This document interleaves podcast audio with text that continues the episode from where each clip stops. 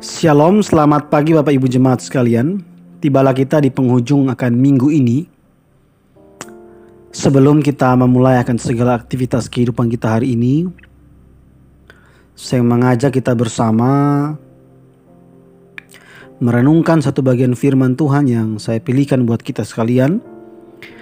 Dari Injil menurut Matius, Matius pasalnya yang ke-6 Matius pasal yang ke-6 ayat yang pertama sampai dengan ayat yang keempat.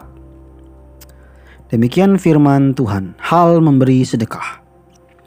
Ingatlah jangan kamu melakukan kewajiban agamamu di hadapan orang supaya dilihat mereka. Karena jika demikian kamu tidak beroleh upah dari Bapamu yang di sorga. Jadi apabila engkau memberi sedekah, janganlah engkau mencanangkan hal itu seperti yang dilakukan orang munafik di rumah-rumah ibadat dan di lorong-lorong, supaya mereka dipuji orang. Aku berkata kepadamu, sesungguhnya mereka sudah mendapat upahnya. Tetapi jika engkau memberi sedekah, janganlah diketahui tangan kirimu apa yang diperbuat tangan kananmu. Hendaklah sedekahmu itu diberikan dengan tersembunyi. Maka Bapamu yang melihat yang tersembunyi akan membalasnya kepadamu. Bapak Ibu jemaat sekalian, tidak jarang orang-orang Kristen tertentu itu terlibat dalam rutinitas gerejawi atau mungkin pelayanan bahkan. Rajin ke gereja, ikut pelayanan, rajin memberi dan sebagainya di gereja karena sering dianggap sebagai syarat untuk memperoleh upah dari Allah, berkat dari Allah, dari Tuhan. Padahal rutinitas gerejawi atau kegiatan keagamaan tidak pernah secara otomatis akhirnya mendapat berkat atau upah daripada Bapa di sorga. Mungkin umat Tuhan yang melakukan kegiatan keagamaan atau aktivitas kerohanian, sekalipun kegiatan tersebut baik, tetapi tujuannya untuk dilihat atau dipuji oleh manusia. Kan ada orang yang seperti begitu ya. Mereka ingin melayani, mereka ingin bernyanyi sebagai singer, tapi bukan karena mereka ingin melayani Tuhan, tapi supaya orang tahu bahwa mereka punya suara bagus. Atau mereka rajin ke gereja supaya ya pikirnya kalau saya rajin ke gereja pasti diberkati Tuhan atau yang lain sebagainya lah. Karena punya motivasi-motivasi pujian dari manusia atau dilihat oleh manusia. Tuhan Yesus sendiri menegaskan hal tersebut. Ketika Tuhan Yesus melarang para murid dan pendengarnya pada waktu itu dalam bacaan tadi melakukan kewajiban agama hanya untuk dilihat oleh manusia ungkapan supaya dilihat mereka dalam ayat 1 lekat sekali dengan keinginan untuk mendapat pujian dari manusia.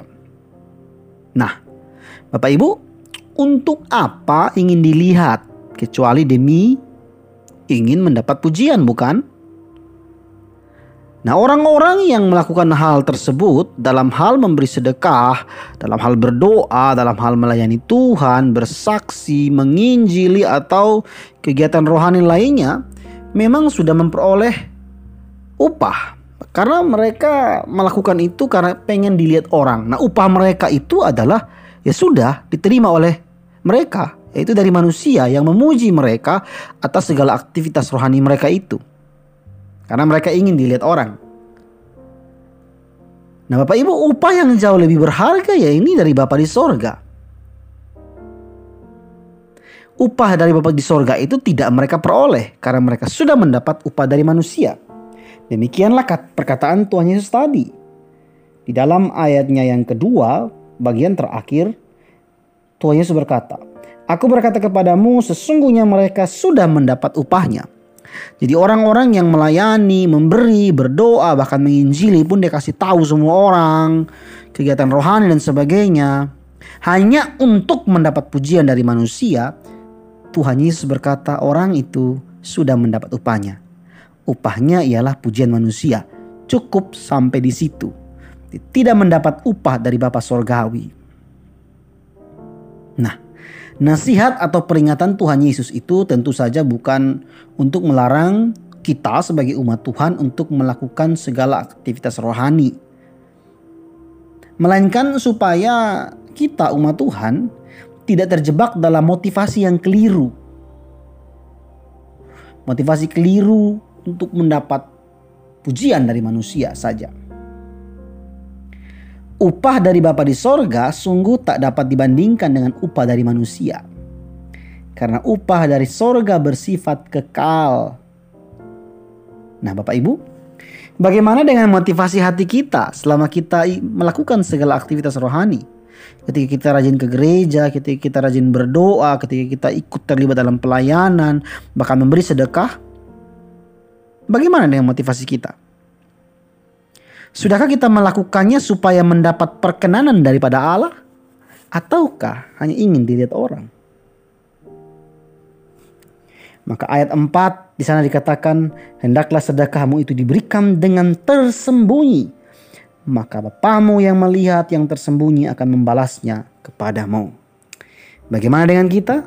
Mari kita mengikut Tuhan, melakukan segala aktivitas rohani, bahkan bersedekah dan melakukan semua hal yang baik itu dengan motivasi hanya untuk kemuliaan Tuhan dan bukan di depan manusia untuk mencari pujian.